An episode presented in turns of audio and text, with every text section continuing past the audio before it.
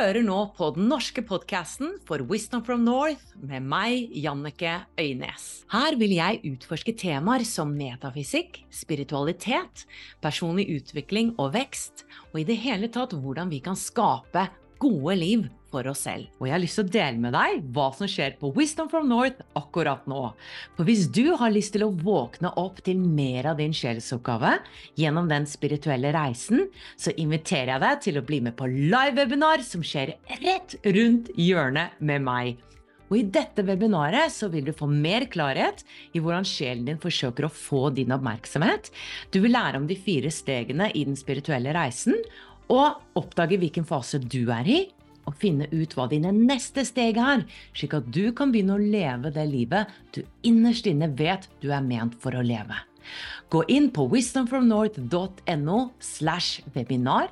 Det var wisdomfromnorth.no slash webinar. Ansvarsfraskrivelse. Synspunktene og meningene uttrykket i denne podkasten tilhører gjestene og representerer ikke nødvendigvis de synspunktene eller posisjonene til Wisdom from North eller noen enheter de måtte representere. God fornøyelse!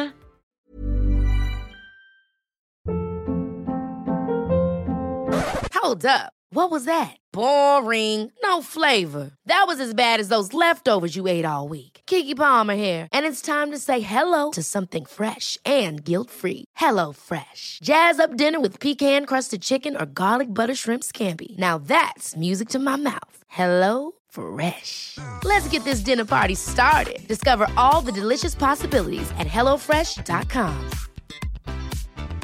Quality sleep is essential. That's why the Sleep Number Smart Bed is designed for your ever evolving sleep needs. Need a bed that's firmer or softer on either side? Helps you sleep at a comfortable temperature? Sleep Number Smart Beds let you individualize your comfort so you sleep better together. JD Power ranks Sleep Number number 1 in customer satisfaction with mattresses purchased in-store. And now, save 50% on the Sleep Number limited edition Smart Bed for a limited time. For JD Power 2023 award information, visit jdpower.com/awards. Only at a Sleep Number store or sleepnumber.com. Hei og hjertelig velkommen til en ny podcast-episode på Wisdom from North. I dag skal jeg faktisk dele et engelsk intervju med dere. Håper det er ok for dere som er veldig glad i norsk. Men jeg syns det er så verdt å dele at jeg deler det i alle mine kanaler, fordi at eh, det gjorde så inntrykk på meg. Det er et intervju med en som heter Christian Sundberg. Og hvis du vil eh, ha norsk undertekst, så gå heller til wisdomfromnorth.com og se det der, for da ser du videoen med norsk undertekst. Eller du kan som sagt lytte her. Jeg oppdaget Christian sin historie på YouTube. Han er forfatter av en bok som heter A Walk in the Physical. Den leste jeg faktisk på flyet ned til Aten i januar. Den grep meg så utrolig. Jeg kjente apropos det med å heve din frekvens, at det var nesten som jeg tok av i flyet, fordi at jeg følte meg så inspirert. Det ga så mening, alt hva han sa. Og han har en ganske unik historie.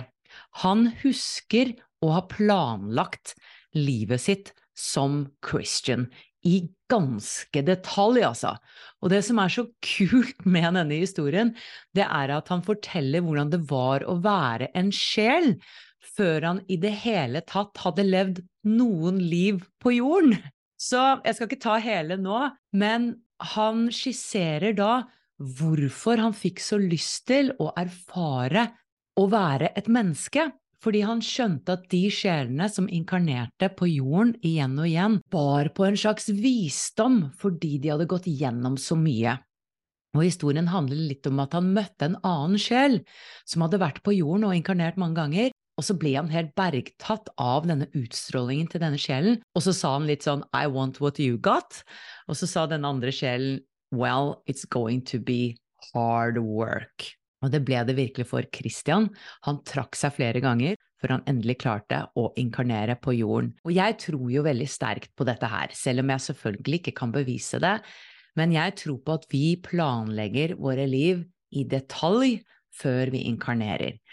Og så er jo det spennende spørsmålet, ikke sant, hvor mye er skjebnesbestemt, og hvor mye er fri vilje? Og dette er jo et spørsmål som jeg stiller veldig ofte i intervjuene mine, blant annet til Christian, hvor jeg syns han kommer med et meget smart, intelligent svar. Og på en eller annen måte så går da fri vilje og skjebne sammen. Men før vi da inkarnerer, så går vi gjennom et slør. Altså vi får et slør eh, plassert foran oss, om jeg kan si det sånn. Sånn at vi ikke husker hvor vi kommer fra, og hvem vi er, og hvorfor vi er her. Og denne prosessen, det forklarer også Christian i detalj. Han snakker om at han også var i en sånn simulator for å øve seg på å gå ned til livmoren som sjel i moren sin kropp. Altså, det blir jo ikke mer fascinerende enn det. Og det jeg opplever, det er at dette sløret begynner å bli tynnere og tynnere. De jeg intervjuer, sier nå at det er en massiv oppvåkning på gang. At det er så mange mennesker nå som våkner opp over hele kloden.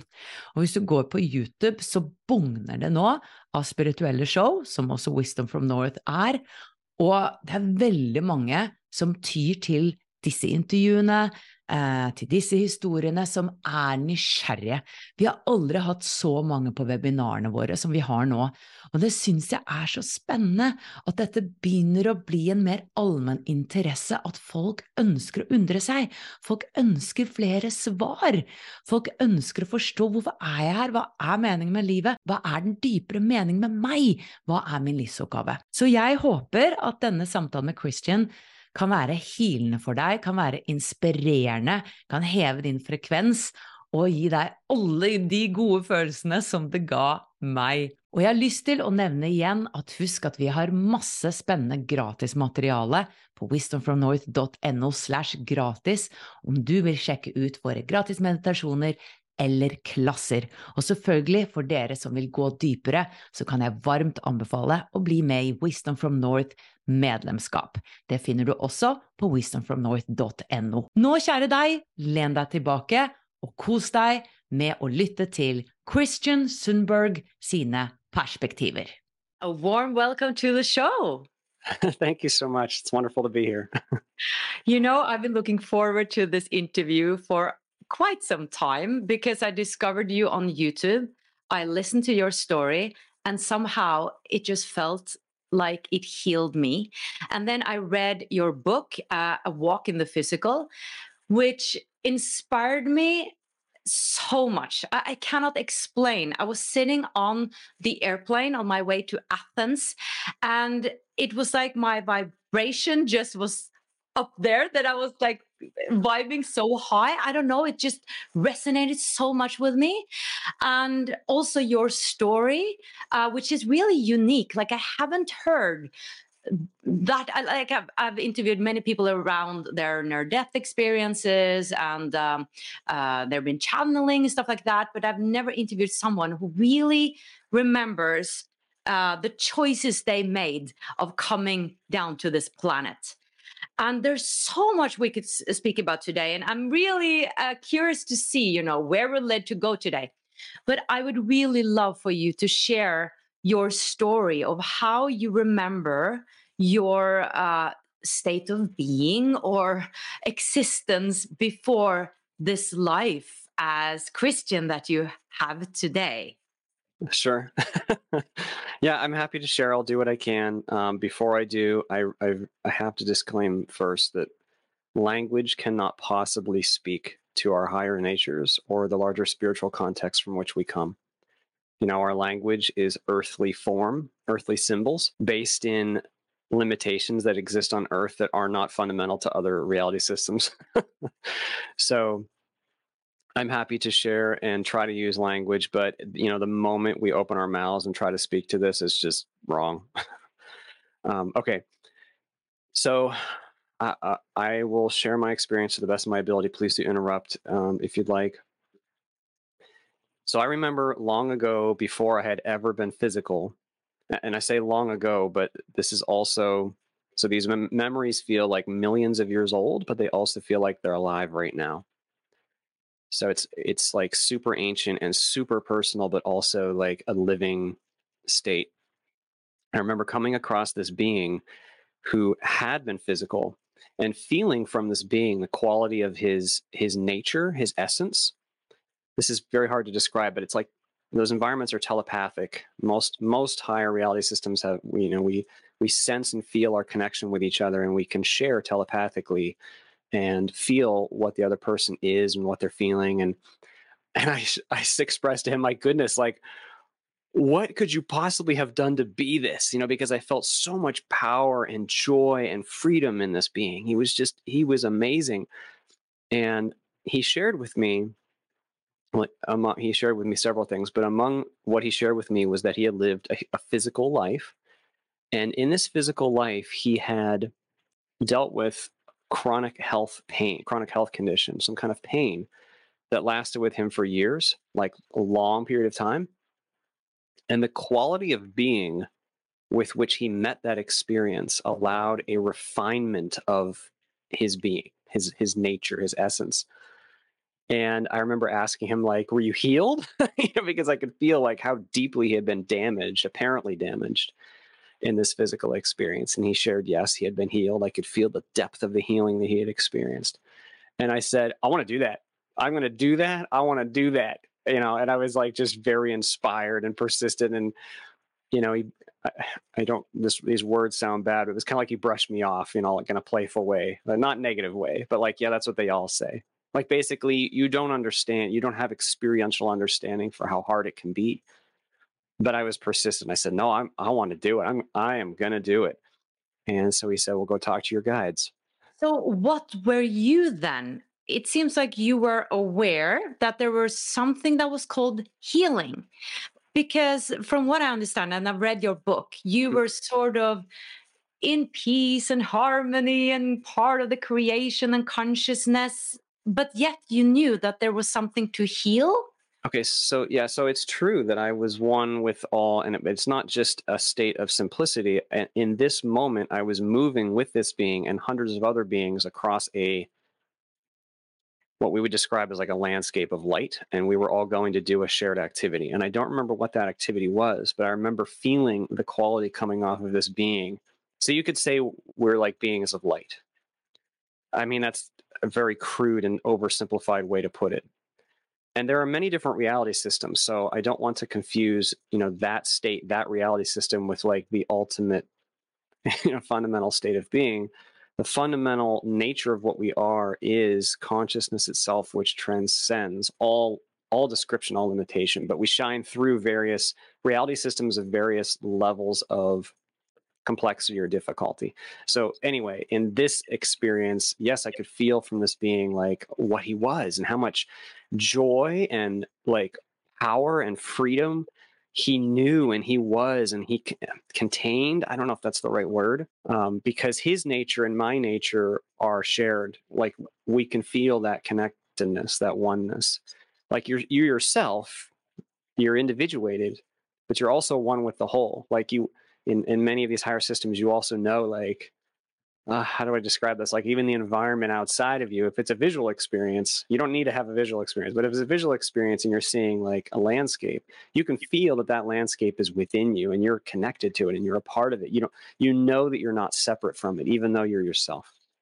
Um, so I don't know if that that spoke to your question. Absolutely. Uh, I know there's so much to this story. Uh, yeah, so please go on. Okay, so I don't have right after that, but I remember going and finding this being again later after I had been physical, like I had had many physical experiences, and coming and finding him and sharing with him that I was on this path, like I was doing it. And he was very encouraging. Okay, so there, the majority of my pre birth memory is of a, a time and again, time is difficult to speak to, but what we would say is a time somewhat immediately preceding this physical life where I had taken a long break. I remember this guide coming to me over and over again and asking, Are you ready to go back yet? Are you ready to go back yet? And just kind of like getting my attention over and over, just like a gentle nudge, repeatedly asking, Are you ready to return? And, and saying, No, I'm not ready to go back yet. I'm not ready yet. And finally being like, Okay, I'm ready to go back. And then reviewing with this guide what I can only describe as uh, this is so hard to describe, but like my state my my um, like who I am, who I was, what I had experienced. And I could see and feel and know like all these different types of experiences I had had and qualities, you could say, that I understood, that I had, I don't want to use the word developed, but like, um, you know, aspects of being that I understood and had mastered versus other ones I had not. and there was this one uh, specific vibration that was just like a huge for lack of a better word, weak spot. I, I don't really want to put it that way because this there's we are not weak you know as souls there's no weakness there's no there's nothing lacking but i could still see this one specific fear that had bested me in a previous experience it was a certain negative vibration like a negative self-perception a certain type of fear that i had engaged and it had overcome me in a previous experience and it was like a very weak leg, you could say that that I needed to walk on. Not need to, but it would be beneficial for me to uh, to engage. And, and so it was obvious what I needed to do, but it was also like I could see even from there that the vibrational distance of this specific fear that I had experienced and that was within me was so low, like so extreme in a certain way. And I was like, is it even possible to integrate you know, to process a fear that's this low. And my guide shared with me, yes. And you have all of time available to you to do so. Like it was just, I knew that um, this is hard to explain, but like there wasn't a limitation on my being. So, and it had been, there had been beings who had engaged vibrations this low and, and succeeded. And I knew if it's even possible, I will do it. Like I just, it sounds so strange to me as the human, you know, because I've experienced deep trauma and pain. But from that perspective, I, you know, I know, I knew and I know now, you know, what what we are. We can't be harmed. We are immortal spirit. That's what we that's our true nature. It, it can't truly fail or be thwarted. And I just had this incredible excitement, you know, like, oh, I, I will do that. I'm so excited to do that. So they brought me a lifetime that was very appropriate, or a very good match for that intention to meet that low vibration fear. And it wasn't this lifetime, it was like an immediately preceding life. I remember re- reviewing that life, re- reviewing a, a detailed plan of that life, and then accepting that life, and then accepting what we call the veil, uh, which is just a word, but it means the constraints in consciousness space that consciousness wears, adopts, takes on in order to have the physical experience. So the way I experienced it was like a plummet in vibration, down, down, down, lower, lower, lower, lower, lower, all the way down, lower, lower, lower. It's like I, I like to describe if you take like a, a pitch producing device, like a sound amplifier, and it, it's making a high pitch, and then you turn down the knob and then when you get to the bottom, you turn it down some more, and then more, and then more, and more, and more, and then crank it down some more, more, more, more. That's what it felt like in the body of my awareness vibrationally to plummet down, down, down, down, down, down, down, down into this incarnated state. And as that happened, all of my knowing disappeared. All of my all of my knowing was cut off, and my memory, and like it felt like I I lost all that I am and so I arrived at this place that was so low vibration, so dark, so limited that within moments I responded in fear. I was like, ah, I am not doing this. There's no way that I'm going to tolerate a lifetime of this. So I summoned my might, my strength, and I fought my way out. I pushed my way out past the veil. And I was successful in doing that. Um, I I immediately became aware that I had killed the body that was to be mine, the fetus, before it had even been born. And I had a life review for that very, very short life. And I could see how my fear had impacted the mother by heaping grief upon her. And not only the mother, but I could see like ripples in a pond, hundreds of other people whose lives were made more difficult because of my fear. You know, and it, it was like see from that side you know that it's okay like the, there's nothing truly wrong. It's just a play but i could see very objectively like oh man like i got a lot of fear. I got to do something about this. So i maintained the intention to to engage this fear and i spent some time um, in what I've called a veil acceptance simulator. I know, I know this sounds kind of wild, but there's like a room where you go and they they put a mock veil over you and you practice surrendering to it. Metaphorically, it was like being dunked underneath the dark water of a swimming pool and then holding your breath and seeing how long you can hold your breath and then you can cry uncle if you want to get out you know and they'll let you out um, so i did that for a while to practice allowing sufficiently so that my i wouldn't repeat this um, you know this uh, i don't want to use the word failure but repeat this event of canceling and ending a life prematurely so then after a while they brought me this life as christian and i remember reviewing this life in incredible detail. I remember reviewing what I can only describe as like a flow chart, a huge flow chart that had millions and millions and millions of possibilities of how the life might actualize. So it's like if, if you took a tree and laid it on its side and started at the thick part of the trunk and worked your way out to the branches, it was like that. Um, and there were events in it, but it wasn't focused on, you know, physical earthly events. It was more focused on what it would be like to be me, what it would be like to have the actual experience from the vantage point of Christian, the human, being Christian. And I could see that certain things were more likely and certain things were less likely. And I could see that it was very likely that a trauma would arise in my 20s that would crush me and give me the chance to re experience this fear that I came to experience. And I was very excited. even though you know when that happened here in my life, it did actualize. I had a, uh, a traumatic health experience in Chengdu, China, and uh, it took me years to recover. I had post traumatic stress, and you know worked through that over years of counseling. So I do not make light of the depth of the difficulty and the, the rigor of the challenge that we might actually experience here.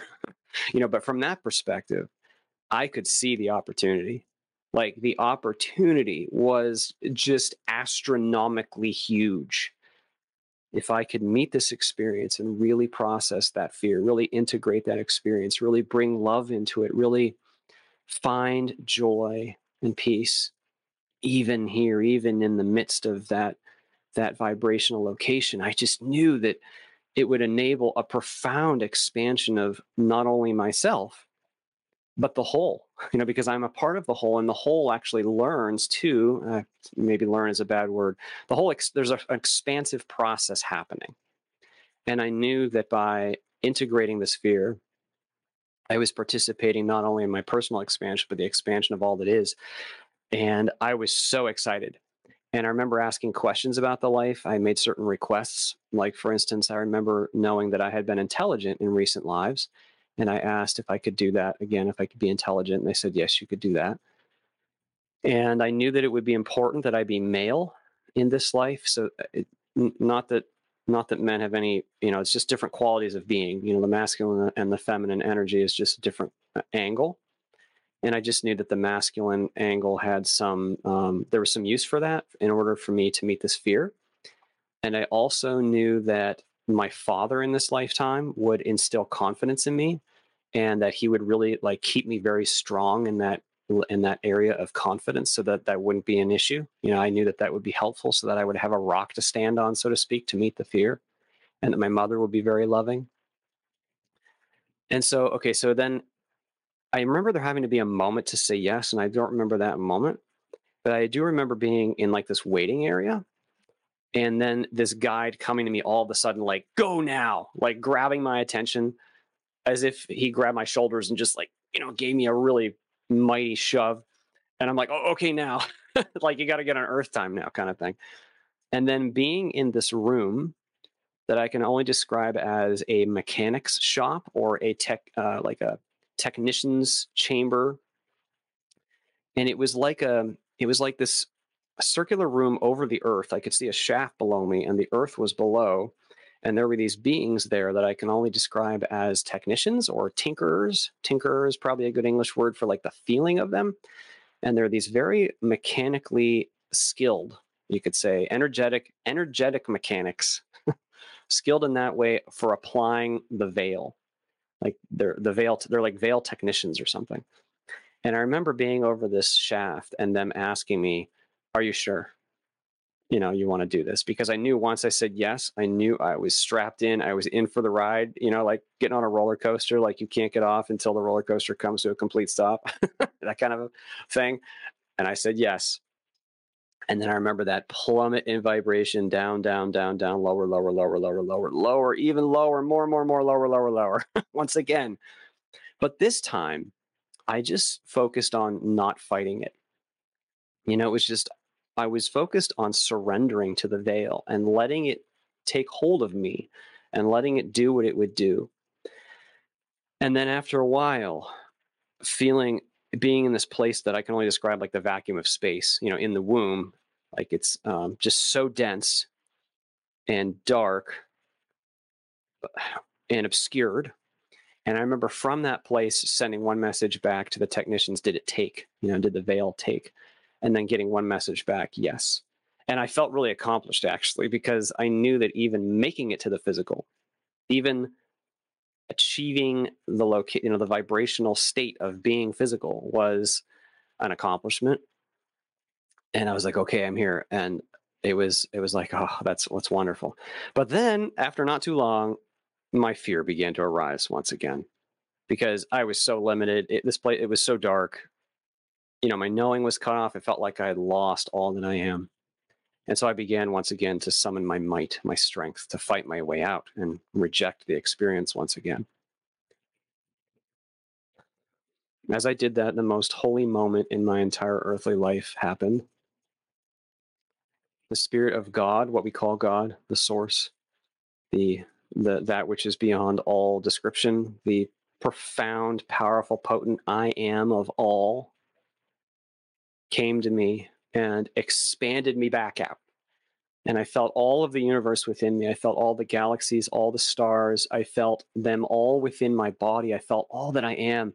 And I felt our sun, Earth's sun, and I felt its churning bliss. It had this like raging bliss, is the word I would describe, just like fiery bliss. And God said to me, This is still what you are. You can never not be this and it was such a holy moment and i i just thought to myself well that's amazing. That's wonderful. I don't have to fight. You know because it was so relieving. I was like oh my gosh i can let go. And i let go and just surrendered into being in the womb because i knew it if i hadn't lost all that i am that i didn't need to fight. So then i was in the womb for a while. It felt like a long while. And then the next memory i have is of the day i was born. I remember the sensory experience, just cold shock, touching, light. I remember looking up at the nurses and and having absolutely no idea what was going on, just being so confused and not understanding what were these shapes, what were these beings that were taking care of me. I knew they were some kind of living being, but I didn't understand. But I felt love for them actually, felt love for the nurses. And I remember just being super intensely curious. And it's funny because I shared this memory much later with my father. And he said, when I was born, my eyes were wide open and I was looking at everything with the most intense curiosity he had ever seen. and I, I remember that. I remember being so curious about what is happening here. So I don't have much after that, you know, but once I got a little uh, bigger, I remember drawing upon these pre birth memories in this flow chart and like trying to just to like predict what was going to happen with simple things. Like I remember wondering, you know, is is a na- is our neighbor neighborhood friend, our next door neighbor, are they going to come over? Like I'm talking when I was maybe three or four or something. Are they going to come over today?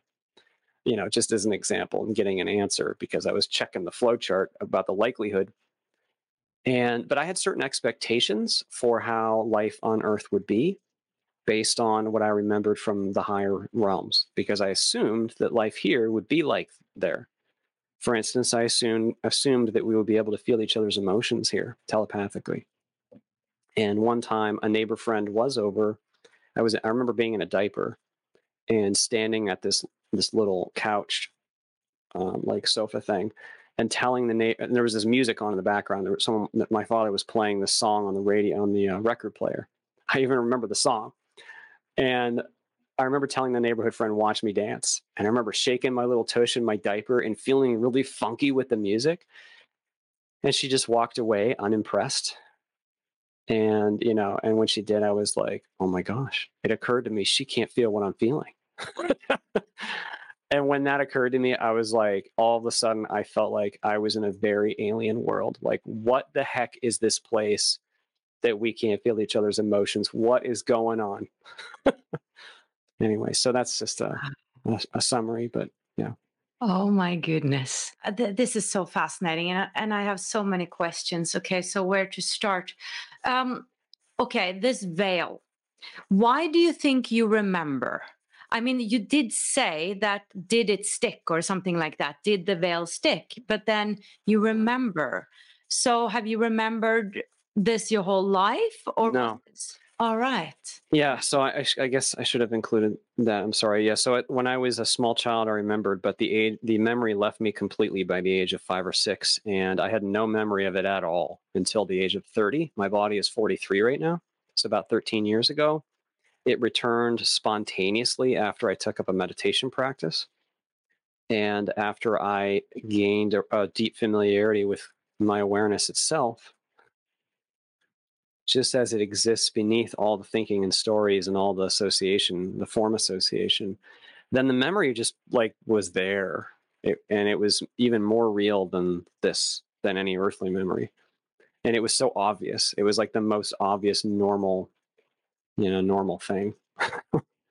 So, why do you think that you particularly are remembering and not me, for instance, and all the other of yes. so I'm not I'm not special. I but I will say that in my pre-birth planning, I did ask to have a small to keep a small amount of memory, and they said that I could do that, but that it would make this life more difficult. And I could feel from that perspective why. It's because the contrast between there and here would be even greater you know because if you have any glimmer of what home is like the, the foreignness of and the alienness of this state of being can become so painful that it can become intolerable. You know a lot of near death experiencers describe that very painful homesickness. Well I, I feel that for sure and that so in a, in a sense the veil protects us because it, it prevents that really deep homesickness. But anyway i don't consider myself special at, at all because we all we all are our deeper selves. We all are our, our, higher selves. It's just that we've agreed to be veiled for a duration for for purposes of expansion. You know, we, we've come to have the human experience, and that means signing up for complete immersion, as complete as we can get. and but despite the fact that it's very complete immersion, we've all made a similar choice and a similar journey, even if we don't remember it. Um, when you forgot about the truth of who you were, were you an atheist then, or did you have some sort of uh, spiritual belief? Yeah, no, that's a good question. So, I mean, uh, as I aged, my parents took me to a Lutheran church, and I, I always sensed there's something spiritual going on. I, I can't put my finger on it, but there's something going. you know, we all feel it to one degree or another. So for a long time, I understood the world through a Lutheran lens, and I had very traditional, you know, Protestant Christian beliefs. In fact, I even considered going to seminary in my 20s. Um, even then, though, I just felt like I can't put God in a box. This is not, even though that's a, not a very small box, I still didn't feel comfortable, uh, you know, completely committing to some kind of a structure, a, a, a limitation system, you could say but I did believe, I did have Christian, you know, Lutheran mainstream beliefs for a long time. And a part of my early awakening process, I began to have out of body experiences. And I ah. began to, um, you know, experience in deeper aspect who I really am. And when I did, I, I it took a lot of humility to first acknowledge all that I didn't know, you know, because belief in something to feel better, eh, you know, is easy it's hard to re- recognize oh man i really don't know. And there's there's so much that like you have to be willing to you have to be very courageous actually and it's very humbling to drop an old belief system that you thought had all the answers that because that you know that was very helpful to the ego actually to help provide the answers but um, i had to let that go. And um, another thing i had to let go just as an example in that same vein you know, I used to really trust in human understanding and in my intellect. You know, I'd done all these things in my human life that on the human level seemed like accomplishments. Well, I realized, you know, my intellectual ability what meant almost nothing.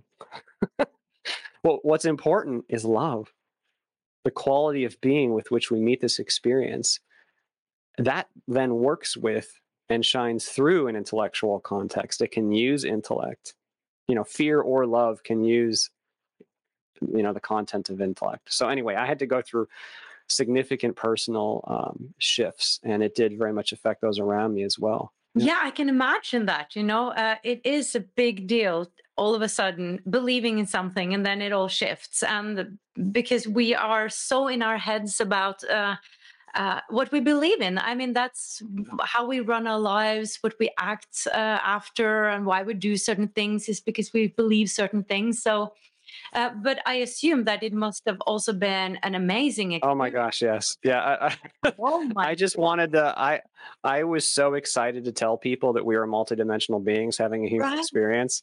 Like I can't tell you. Like, and I I shared this in other videos, but I, I said to my wife, it sounds so silly, you know, now that I, now that I say this, and I know this isn't the way to reach people, but just as an example of how excited I was, I actually told my wife, I'm going to make flyers and I'm, put, and I'm going to put them in people's mailboxes. And the flyers are going to say, You're a multidimensional being having human experience, and you have nothing to fear. There's nothing to be afraid of. And, and you can live a life of love and joy. And I just wanted to like go and put the, and my wife's like, Yeah, you're going to be that guy if you do that. and I'm like, Oh, yeah, I'll be that guy. So I, of course, I did not end up doing it. I only considered that for a few minutes. But I'm just saying that I was so excited. I just wanted to tell people and what was really interesting to me, you know, I was always the Christian guy, you know, like I was very active in my church and I was an assistant minister for like 20 years in my church. I taught confirmation class, I was on the church council. And, and so I found that, you know, when I shared what I experienced, which was a, a, an opening towards unconditional love, like an expansion of uh, uh truly good news that there is nothing to fear and we cannot fail, you know. But it was interesting because I would share that with some, you know, I, I knew that still retained, you know, a belief structure that was closer to my old one, and it was not well received in general. Yeah. I actually had sort of the same experience. I uh, the first times I was out of my body, or actually the first time I really had a, a great experience out of my body. Yeah. I woke up and I ran out on the street, and I was like, I want to tell somebody. Exactly. reality out there. I totally get it. I like, no, I'm not going to do that. I totally get it. That's exactly how I felt. And then it's like, but people need to know this. Like, yeah, this is important stuff. And because those experiences, what I think, what a lot of people who don't remember experiencing that, I mean, we all do experience it. We just typically don't remember it. It's so real. You know, it, it's so, so real. It's not a dream it's actually more lucid, more real, more visceral, more tangible, more physical, actually, than the physical experience. You know, so when you come back, it's like so self evidently real that you just want to tell people, you know, it's amazing. I'd love to go into that because I'm so curious about, you know, again, I have to say where we really come from because I don't know how to explain it, you know, with my limited words and understanding. Um, because you mentioned so many details, like you were planning your life, uh, this flow chart of a million of possibilities. So in this room, I mean, Hmm is there are there rooms and how did it look like and who were these guides? If you can just sort of give us a picture of some of the memory how it looks like there and what kind of guides you were hanging out with and who are they? Let me just say this. So if you were to ask someone who's never been to earth what does earth look like? You know like okay well first of all they've never been there so they can't even imagine what you're about to tell them There's no language for it. And secondly, Earth has a lot of different contexts, a lot of different places, a lot of different potential situations. You know, and, and these systems that I'm referring to are much less constrained. So they have far more potential of states of being and of experience than what we commonly experience on Earth. Earth is a very dense and limited experience by comparison. Okay, so on Earth, we experience an external environment with places. You know, so we think reality is made of places. So I want to know what that place is like. And that's fine. That's an okay question because there are there are the experience of places, but it's far more than that. So I can just like share a couple small details. Okay, so when I was in the state before the guide came to me to ask if I was ready to go back yet, I remember being in a realm of living golden light. And my being was connected to it. And, you know, so then you say, What were you doing in, in the realm of light? Well, the only word I can think of in English is like frolicking.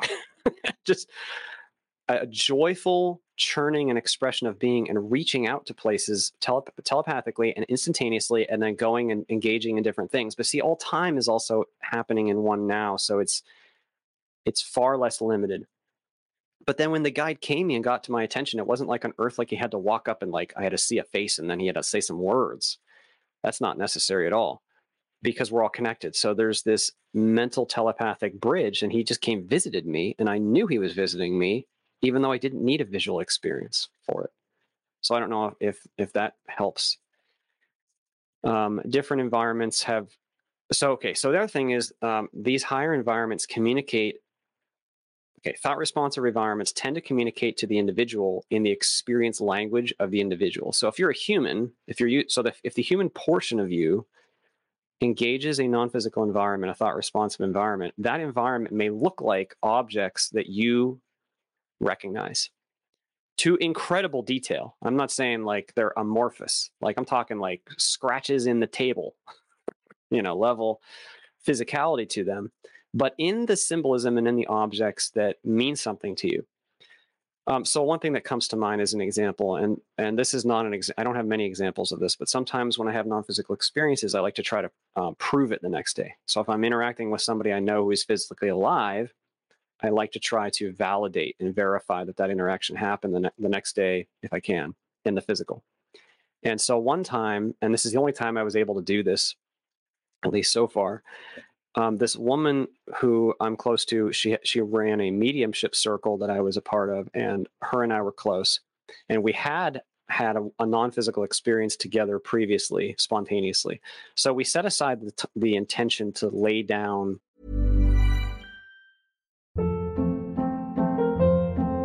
Hold up. What was that? Boring. No flavor. That was as bad as those leftovers you ate all week. Keke Palmer here, and it's time to say hello to something fresh and guilt-free. Hello Fresh. Jazz up dinner with pecan-crusted chicken or garlic butter shrimp scampi. Now that's music to my mouth. Hello Fresh. Let's get this dinner party started. Discover all the delicious possibilities at hellofresh.com.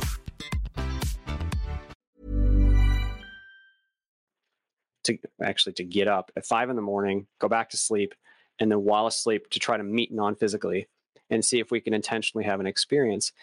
And I feel that we were able to have that experience and verify it because we both saw an environment that had incredible similarities to it. What I saw was a restaurant that looked like an old 1930s McDonald's and an old car that was probably from like the teen, you know 19 teens. And but more than the visual, there was a feeling, you know, because there's a lot of uh, feeling is a, uh, a lot of feeling language, you could say. So I described what I felt and saw to her, and she described that she was attempting to bring in an energy like that. And she saw a restaurant from like the 60s and a car from like the 40s, and it was a different color. but it, we both saw very similar objects, and they meant something to each of us in a way that was more closely resembling whatever the message of that environment was. So that's a very simple example. Here, another example I can think of is one time I was out of body and I began to, my attention began to drift to my earthly thinking and concerns.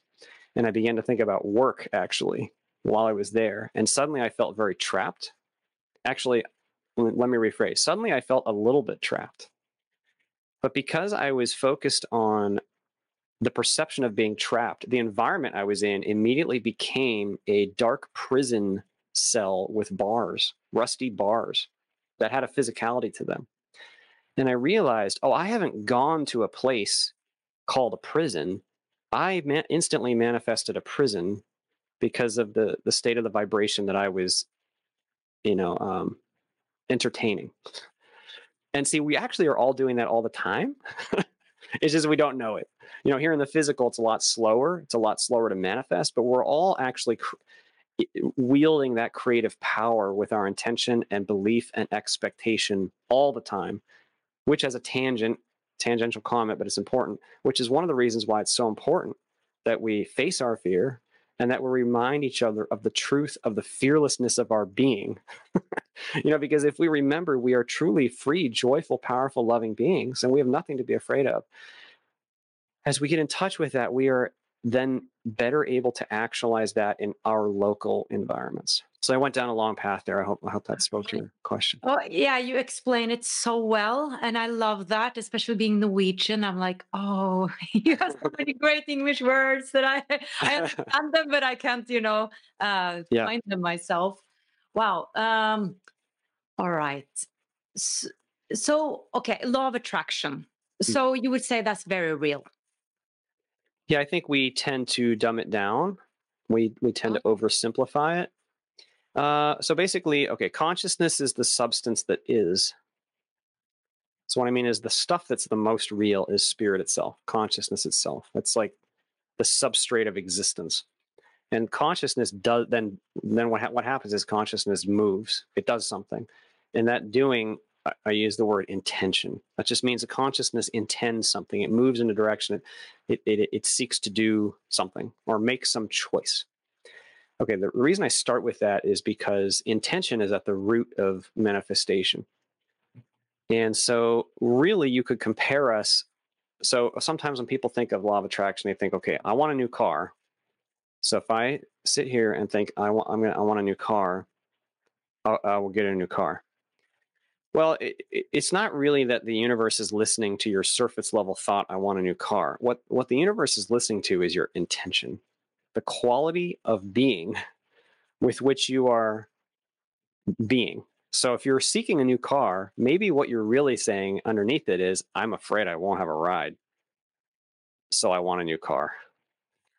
you know, so the universe is hearing the pitch of, I'm afraid I won't have a ride. And that's why processing fear is 1st mm-hmm. Because then, as we process fear, we open up the opportunity for uh, much more loving and joyful expressions. So you might say that we're like soundboards that are producing, because it's not just one pitch. You know, we're producing, you could say, like hundreds of pitches all the time based on our intention, our beliefs, our expectations. And the universe is hearing them all. And it's responding to not only your pitches, but the pitches of every other participant in the game, which and there's a lot of them. but a focused, clear being level, deep, that means deep intention, is a lot more powerful, a lot more effective than a surface level thought muttering. You know, if you're just going to sit there and just kind of mutter like a, a weak you know comment that's not that's not that doesn't really have the oomph to cause an effect especially in the physical because because the physical is so slow and dense by comparison. But if you're truly clear and um, especially if your intention is of love you know because that's love is the true power. It's it's reflective of the unity of being. So if we can really clear out all the crap and really bring forth a, a, an intention of love and peace just in this moment in whatever way wow, that is powerful stuff. It has a manifestation uh, potency that is much greater than actually many many people who are not awake and who are you know not purposefully using that intention. So just some comments on what we what we typically call the law of attraction. Yeah, very interesting, and I'd, I'd love to share uh, my thoughts on it, and then you can uh, you know play the tennis ball back and uh, see if i'm on the right track because uh, when i'm thinking about law of attraction and manifesting i often feel that my or uh, people's traumas are coming up. Like a, a couple now is trying to sell their apartment mm-hmm. and they've had so much trouble uh, selling apartments before mm-hmm. um, and now it's difficult times but still uh, i don't have problems with that i've always had flow in apartment buying and uh, selling my apartment so it seems like i don't have so much resistance there but it seems like they have and now they're in totally into fear.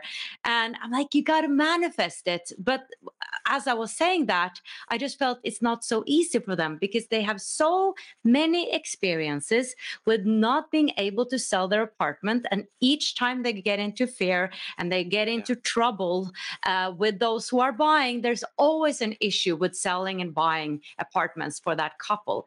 Mm-hmm. Uh, so you're so- talking about you know meeting their fear is it the fear that's their problem or is it that they have so many experiences that it becomes a belief for them that is very yeah. hard to sell an apartment for the price they actually need and sure. want yeah great question so um, first of all before i comment to the question at hand it's not it's not that every single thing in our lives is always a direct representation of just our intention. You know, of course, there are many different players in the game. All the laws of physics work. There's rules as to how the physical unfolds. So we might nudge the probabilities of something that might happen a lot, you know, and maybe it moves from a one in a thousand chance to a one in 10 chance, and it still doesn't happen. I'm just, I'm using simple language, but I'm just pointing out that it's it's not just like a clear one to one you know there's a lot of energy at work and a lot of um, and the divine laws at work are very effective so just a context for the comment. Okay, so we do get what we expect and believe. You get what you expect, might be a simple way to talk about manifestation. okay, so so like you said in the example, so fear is difficult for us to work. So fear is another word for yet unevolvedness. It's just another way to say it's something that we haven't yet integrated. And one of the great values of the physical is that it, you get what you fear. so I, I, I, I don't mean I don't mean no no, but that's not a negative. No, this is the place we come where we get so uh, committed into. I don't want to use the word bound because we're never actually truly bound into the physical. It's just that when we do that, so that we have the unrelenting opportunity the unrelenting chance to face and process and integrate that which we haven't done yet. So if there is a primary fear that it that you're here to deal with, then it tends to keep rising back up into your experience. Maybe it's a fear of powerlessness. Maybe it's a fear of um, not being worthy of love through relationship. You know, whatever whatever the rejection is, and it's not a negative that it keeps rising up. It's that you're afraid of it. So you're putting a lot of energy into it by resisting it. So you think you're trying to get away from it, but it's like building up a dam and then putting your energy in the dam throughout your whole life. Well, that's creating an effect because there's a cause and effect in all of our intentions and all of our thoughts and all of our um, you know association with form. So then it keeps coming up so that we have the opportunity to face it you know, in my case, the fear that I came to process is very, very deep and, and very personal. And I may deal with challenges that nobody else deals with because it's helpful, actually, so that I can meet this fear and have the opportunity to really get into it and to really experience it. And then once we do that, the dam is we break the dam and the and the flow of life opens up once again actually even in greater measure you know because now we're not resisting life. Basically we never have to be afraid of life or what's in life. We can say yes to life no matter what's arising. I know that's not easy but if we say yes to everything that is arising, life can actually flow through us and show us where our own resistances are. We're actually deeper than, consciousness is deeper than all those hangups in life that we think need to be blocked off and, and that we need to run away from. And until we know that, until we experience it and really process it and really grow in due measure, we'll keep blocking them. You know, and because we've blocked them, the universe might just keep giving us nudges to help us process. But it's not a it's not a negative masochistic system or something. It's it's actually a very loving and intelligent system and it tends to unfold and arise as it's beneficial for us to deal with. You know not always but many in many cases the challenges that arise arise at profitable moments you could say moments when we're in a position where we can actually utilize the experience and respond to it and, and grow from it so, would you say that um, a way to manifest could be to really go into acceptance, like Matt yeah. Kahn speaks about loving what is. So, if you're afraid of not being lovable, like you said, or being alone, maybe you know moving into surrender uh, I that's the situation that is yeah. right oh, now. I gotta say something. Yeah, I gotta say something. This is this is uh, this is important. Yes, absolutely. Acceptance opens the opens the flow and is the power. Okay, but acceptance doesn't mean, oh my gosh, I don't actually want to be alone, so I'm going to accept this because I want to escape it. That's not acceptance. So what so what I mean is acceptance is actually feeling what you're feeling all the way. Not running away from it, not trying to create a different outcome. Honoring yourself 100%. I feel this way. I have this legitimate feeling. This is exactly how I feel. And spending time with the feeling rather than resisting it or trying to push it away. Go, go find it as it arises, just however it arises in this moment. Um, so, as an example, you know, if I might experience an anxiety that might arise from tra- traveling is very difficult for me, and I had my traumatic experience happened during travel. So historically, I've had anxiety around the you know the process of traveling, though that's healed so much. So, but now if I have an experience where I feel that rise up, like it might arise in my diaphragm, I feel a sensation of negative, you know, like an anxiety, then I can just look at it and say, okay, thank you, almost thank you for for coming you know show me where is my resistance where what am i afraid of and if you're really willing to feel into yourself you'll usually find some pretty dark nasty scary gunk in there. But then the question is what do you do with it? You're not you don't have to solve it and and and fix it. Rather it's asking for you to go see it to go feel it to go allow yourself to be vulnerable to feel the aloneness or the powerlessness or whatever it is. Go go towards it without without requiring it to leave. It's like it's like a messenger. Anxiety and fear you could say is like a messenger that arrives at your door. And so often we open the door and we're like ah i don't like that and close the door. And then the next time it comes back and it knocks a little harder and then you open the door and you're oh nope and you close the door. Well you can't it's not going to go away. I mean i don't mean to oversimplify in this this is a simple metaphor. But generally speaking, it won't go away until you open the door, welcome it in, come sit in the living room, and I would like to feel exactly why. What are you? What's the message you're delivering to me? Okay, this is important. This is the important thing. At the root, the message that the fear is delivering to you is a negative self perception that is not in alignment with the truth that you've bought into, that you think life is proven to you. So, for instance, if you think if you're afraid of being powerless, that is not in alignment with the truth of who you really are. You are a powerful, immortal, multidimensional being. You can't be powerless, but you can experience fear when you associate with powerlessness because that's not native. And it's like, oh my gosh, I don't like that. Go into it and explore it because at the depth of it, you will find you are powerful. Or if your fear is um, unworthy, you know, being unworthy, uh, shameful, shame, unworthy of love, that's not true. You're so incredibly precious and worthy, worthy to be loved by all of creation. but when you, so then when you feel unworthy, it can prompt fear because I don't like that. That's not who I am. You're, it's not who you are. But what has the illusion seemed to prove to you? You know, what fear has it allowed that you can then go into and feel and process and integrate? And as you do this, you don't have to do it all at once. You just meet the present moment. That's the key. The thing that you think you're missing, you're not missing. Uh, so the law of attraction is like realizing because until you know that you're not missing it, you're associated with missing it. You're associated with the lack. And so that's what is being focused on and created.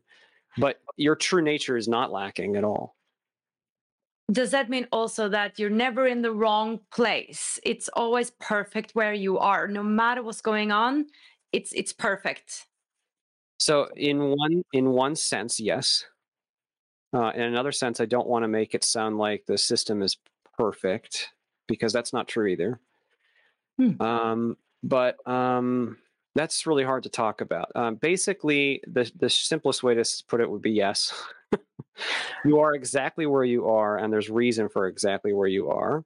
And the divine laws that are at the root of all things are built on wisdom and love. And so things are all flowing according to those divine laws. Just put it that way. according to plan, but sometime the plan doesn't. I didn't I didn't say according to plan necessarily. Right, that's what I mean. Maybe, but because I've read some book by by uh, Dolores Cannon where I got the understanding that sometimes, like the spirits were saying, yeah, this is not sort of supposed to happen, but sometimes it happens, and I'm like, Absolutely. the system perfect? No, okay, okay. So yeah, so it's it's not. Right. because no this is why though the substance of the system spirit itself is perfect okay? But it's engaging a non-native set of forms in order to expand itself okay?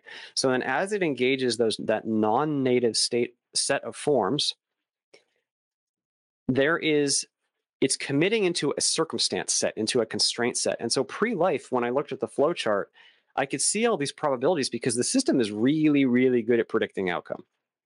But what but what is the thing that changes the outcome? Free will. You get to make choices. I get to make choices.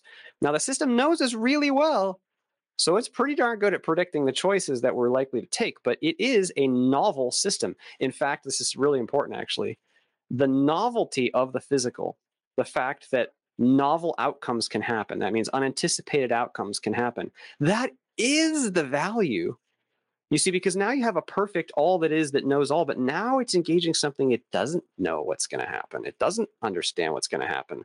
And it has to make choices and wield choices and see what the outcomes of those choices are. And then, oh, something surprising just happened. That's amazing. That's exciting. Now what are we going to do? And that process adds to all that is. You see that that novelty adds to all that is. So it's not perfect in that everything is preset. It's very, very good but it's actually rather precious that all of us here on earth are making choices from a place that we don't fully under we don't fully see we're having to play on the fly so to speak and we're seeking we're and then at the root of the whole game we're trying to see if we can make choices that are more in alignment with love and our, with our true nature than fear which is association with the non-native illusion and uh, unevolvedness. We're trying to see if we can be loving even here and we're trying to integrate these experiences really come to terms with what is it like to be me? What is it like to be a father or a friend or a son or you know a shopkeeper or a person playing in mud or someone who has broken their leg? What is it like to be that person and what choices do you make from it? That is the frontier of creation Wow. Yeah, and I read in your book that, you know, part of what we're doing here uh, and how we're growing is by making these choices and expanding our we're expanding by uh expanding our vocabulary. Uh yeah experience experience vocabulary yeah you could say Yeah. Uh, mm, yeah, destiny. So you, you speak about probabilities. You had millions, millions of probabilities. Mhm. Uh, that's a lot to choose from. I was thinking about that when you you watched all these millions of possibilities. well it's not like i chose from them all. It's more like i could see what was i'm choosing now. You see now i'm 43 years into the simulation and after this i get to decide am i going to go down and make dinner? Am i going to go take my guinea pigs outside and put them in the lawn or am i going to go for a walk? You know But how? Okay, how does destiny come into this? I'm I'm curious about that. So I know you're married, right? So yes do you have a soul contract then uh, is that something you remember that you had a soul contract that you were you, you talked about your father your mother did Mhm. you also choose your spouse because it's it seems easier to choose your mother and father you know they're ready to have a kid and you, you come down well, the, yeah the mother and father are very close to the the start point because they're generating the body but then life happens and people make their Mhm. free choices so what if that mess, messes up all the, the, the plan Okay. So there's one concept that might help here. So when we set the plan at the beginning, we set key intentions, and the probabilities of the life tend to support those pre life intentions. So in my case, my intention was to be physically crushed by illness and to experience this fear. I mean, it sounds it sounds horrible to the human ego, but actually it's a wonderful opportunity. So it's so what that means is since that was my intention, the circumstances of the life and body were likely, very likely, to support that as manifesting in one way or another. And I can see it was very likely that by my early 20s, once the body got over its like just over, just over the peak of its like biological growth, you know, 22, that this would occur, that this would have happened to me. I could feel that from that point of view. Okay. As for like meeting my wife, I don't have any memory of that specifically. Um, but it's not that every single aspect of our lives is a primary part of the contract. It's more like the contract is a primary thing or things, multiple could be multiple things that we want to experience. And then the life tends to work more around those things. So if we come to be, so some people do come to eh, play certain roles for each other, you know, to be in certain relationships. Well, then it's very likely, not 100% certain, never 100%. It could be 99.999%, might be 80. I don't know some likelihood that we will come across and, and meet that person and engage in a relationship with that person if that was beneficial to us. Often, the people that we reincarnate with to re experience relationship have been beneficial for our own growth in some way, and we have a loving relationship with them already. So maybe we've already been parent and child, or maybe we've already been spouses, and you know now we want to experience each other from a different angle. Um, that is something we often do. In my case, that was not a part of my pre birth plan. I, I was coming to do something more personal when it came to engaging fear. That makes sense because I feel that from what I've learned, that everything is very unique and special to the soul. Uh, that's probably why there's so many different stories and near death experience stories.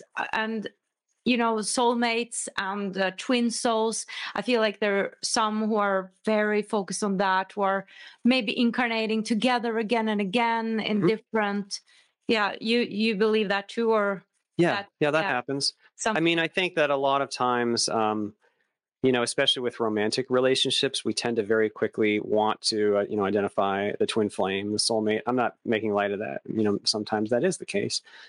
Um it's just that yeah if we pre-plan some kind of a relationship experience it's likely that that will unfold but it's not always it's not always the case. I mean we are all one. We're all connected to each other. We're all loving brothers and sisters. We're all family. Like every single person listening today i'm you and i are family. We just don't remember it and we have varying de- degrees of experience with each other. That's all beautiful. You know what i mean? That's true. Okay so can we take on too much the short answer is yes. But the thing is, the, the thing is, okay, so the guides are really good at working with us to try to bite off an optimal amount of sandwich. Okay. You know, because if it's too easy, there's not maybe as much opportunity for expansion and, and personal growth. But if it's too hard, it's just it's just going to crush us. It's like if you go down to, to lay on a weight bench, you don't start with 500 pounds. You know, you just you don't do that. That's not going to be beneficial to you. It's only going to hurt. you see? So so the soul is kind of I mean it's a crude metaphor, but the soul is a little bit like that. Like it gains capability, depth of being, virtues you could even say. It gains uh, experience in different avenues. And so then it wishes to expand in a certain way. So when we first start, you you could say that we just want to get some experience and get started, you know. We just want to get so we get in, we might take you know a more I don't want to use the word routine life because every life is unique, but we might just take whatever we can. And then as we evolve and grow, we might take more and more specific goals because now that's something that I would really like to experience and learn. Now, is it is it possible to take on too much? I mean, yes, there are unfortunately, well, I don't even want to use the word unfortunate. I don't I'm not trying to judge this. Uh, in fact, I honor it very much, but there are thousands of people who commit suicide every day. Right. You know, because they have become overwhelmed in, in some way. It could be biological limitations, could be circumstantial limitations that led to biological limitations. It could be upbringing. It could be unforeseen trauma that what there's lots of reasons, but and then the personality might get wrapped more and more and more into a smaller and smaller worldview, a smaller box, a form association that gets deeper and deeper and more and more painful. You know, because the more we associate with the limited, the further and further we actually are going vibrationally from the truth of our being, which is quite free and unlimited and full of peace and joy.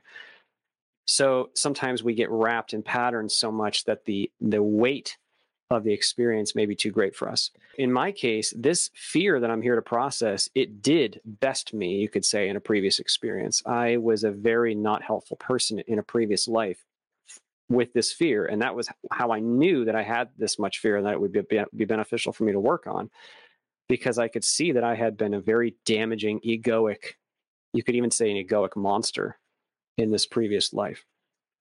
And so now I'm seeking to integrate that same fear Oh, and and I'll just uh, say one other thing that might be useful. So I I don't have many specific memories of previous lives, but I do remember being a, a, a woman, a human woman, who had given birth a first time, and it had been very painful, and then being pregnant a second time and being terrified of having to give birth and having to go through that pain again because that fear is the same exact fear that I experienced in this life laying in a hospital bed in Chengdu after having a heat stroke and having my neurology feeling like it was dying. It, the circumstances are different. It's both of them were a fear response to being unable to escape pain.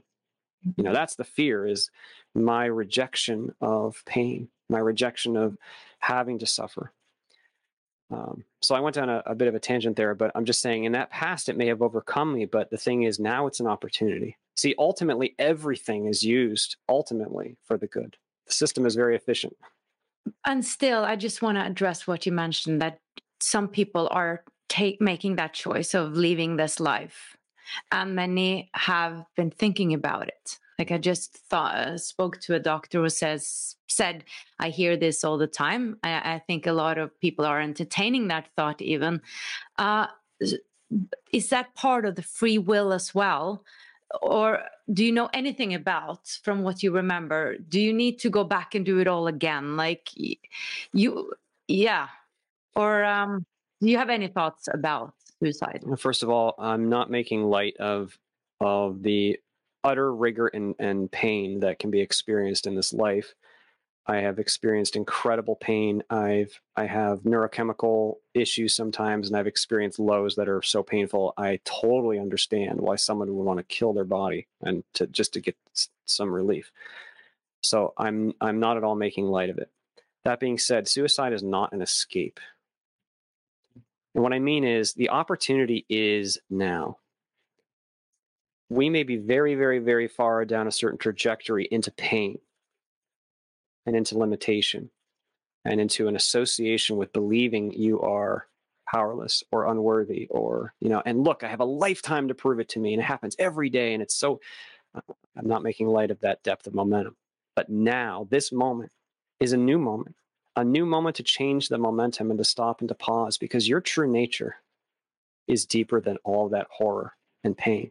Your true nature is love and freedom and joy. Okay, I know that's a mighty step, a grand canyon between the darkness of deepest depression and, and the native love and joy. That vibrational distance is ridiculously huge. But in that distance is the opportunity to surrender, to accept, to choose something new, to choose maybe service to another instead of fretting over yourself for something for a moment. I don't mean to make light of that. Or to choose to do to choose joy in some small way. Or to choose simply to endure even the pain and to know that it's temporary and it will get better. It will go away. It's not who you are. The pain is not who you are. You could say depression is like a lie. It's like a neurochemical lie. I know that when you're in it, you can't feel good. You can't even feel good. I understand. But you could say that even there, you get to wield an intention. You get to wield a state of being in that. And, you know, it's like uh, there's a Bashar quote I, I love circumstances don't matter, only state of being matters. And you get to choose your state of being in any moment. You can you can shift that momentum.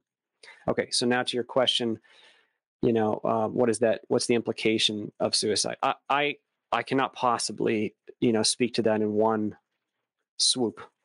I can simply say that where there is yet unaddressed fear, it is beneficial for us to to go and and process it and heal it. And so often when we're in the depths of the darkness is the most valuable opportunity. And um, so it is valuable to stay and to do everything that we can to meet that. That being said, I'll also say that unconditional love is unconditional. It's not like you get to the other side and it's oh you you messed up. It's, you know, no, those on the other side they see the pain, the rigor. They it's like if someone goes to Mount Everest and climbs Mount Everest and they're like, it's cold up here. Yeah, it's it's cold up on Mount Everest. Are you do you feel like if they come back down and they didn't make it all the way to the summit, do you judge them and say, "Oh, you didn't do well enough"? no. we understand. They tried something incredible. They tried something mighty. and that's how it is for to for to be to be human and especially to be human into certain depths of darkness. It's like climbing Mount Everest.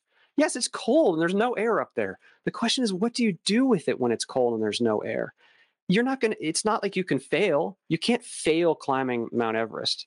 You, you know what I mean? Whether you make it halfway up or all the way to the summit, it's a valuable experience either way. And then later you get to choose.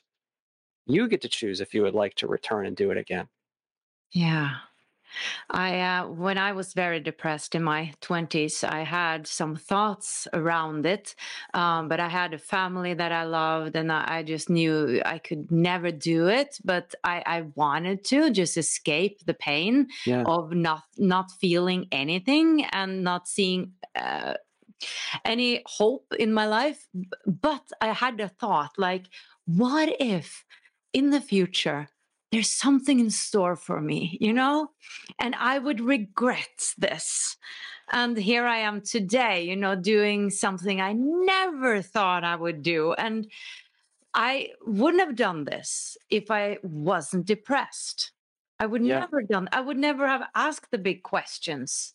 So it started this spiritual uh, journey for me. And now, you know, I have this platform and sharing these messages. And That's I just, yeah, feel that life is so brilliant. So today I see the purpose with my depression 20 yeah, and a lot of a lot of people who experience depression or other neurochemical imbalances are the most spiritually sensitive oh. among us all right you know because there's different depths to which you can dive into the physical um, there are different the depths of of experiencing even physical contrast. Like I'm a very sensitive person, so I experience things more intensely than the average human being.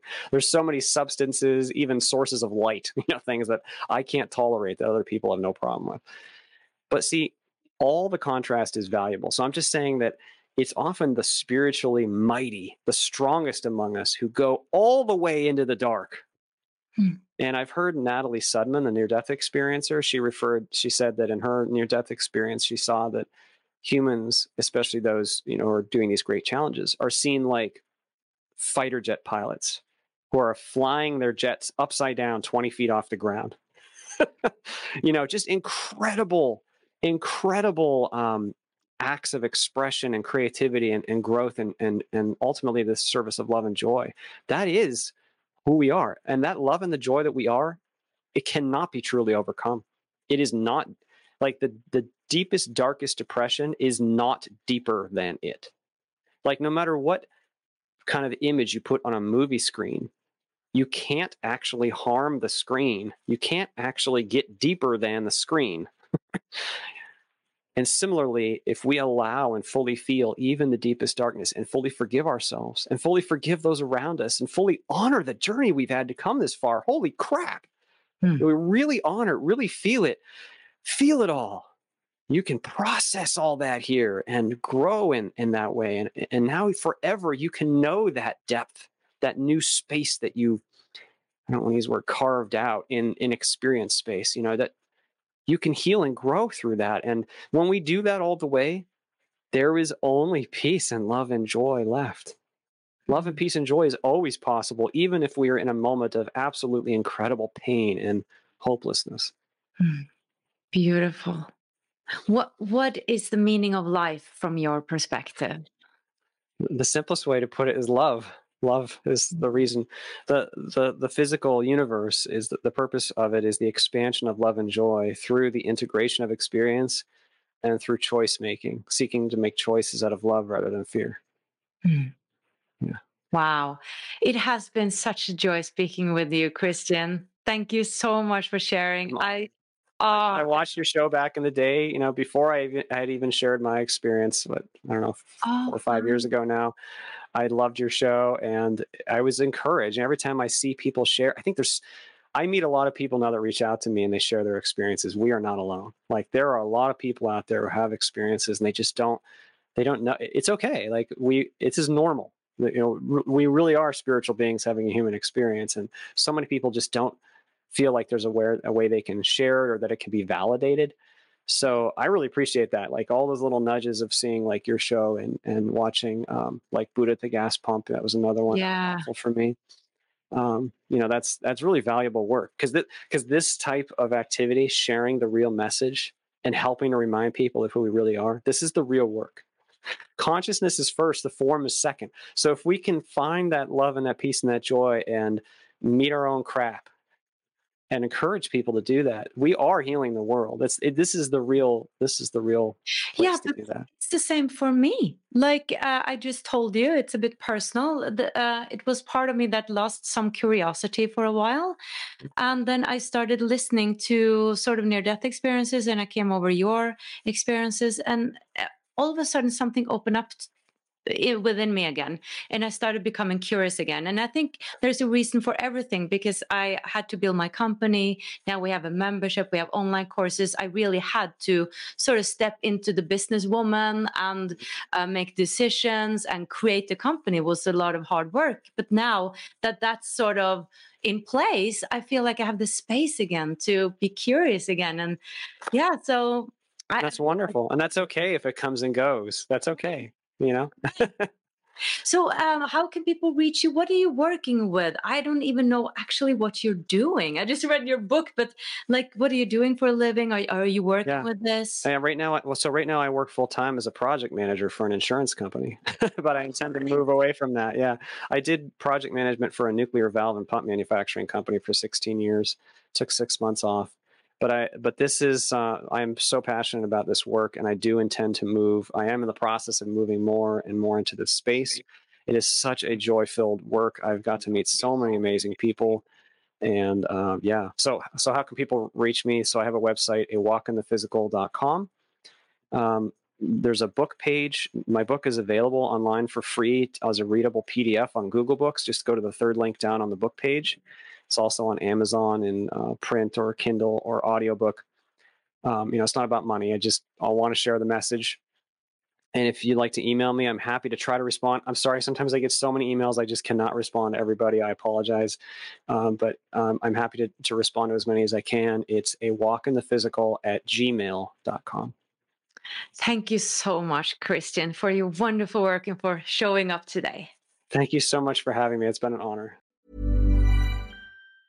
Ever catch yourself eating the same flavorless dinner three days in a row? Dreaming of something better? Well, HelloFresh is your guilt free dream come true, baby. It's me, Keke Palmer. Let's wake up those taste buds with hot, juicy pecan crusted chicken or garlic butter shrimp scampi. Mm. Hello Fresh. Stop dreaming of all the delicious possibilities and dig in at HelloFresh.com. Let's get this dinner party started.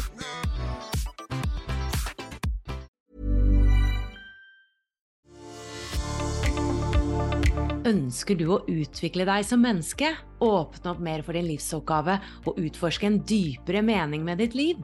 Så er du hjertelig velkommen inn i Wisdom from North-medlemskap. Og det finner du på wisdomfromnorth.no slash medlemskap. Om du vil gå enda litt dypere, så finner du alle våre norske nettkurs på wisdomfromnorth.no og våre engelske nettkurs på wisdomfromnorth.com. Du finner oss også på Instagram, Facebook og YouTube ved bare å søke på Wisdom from North. Vi høres igjen!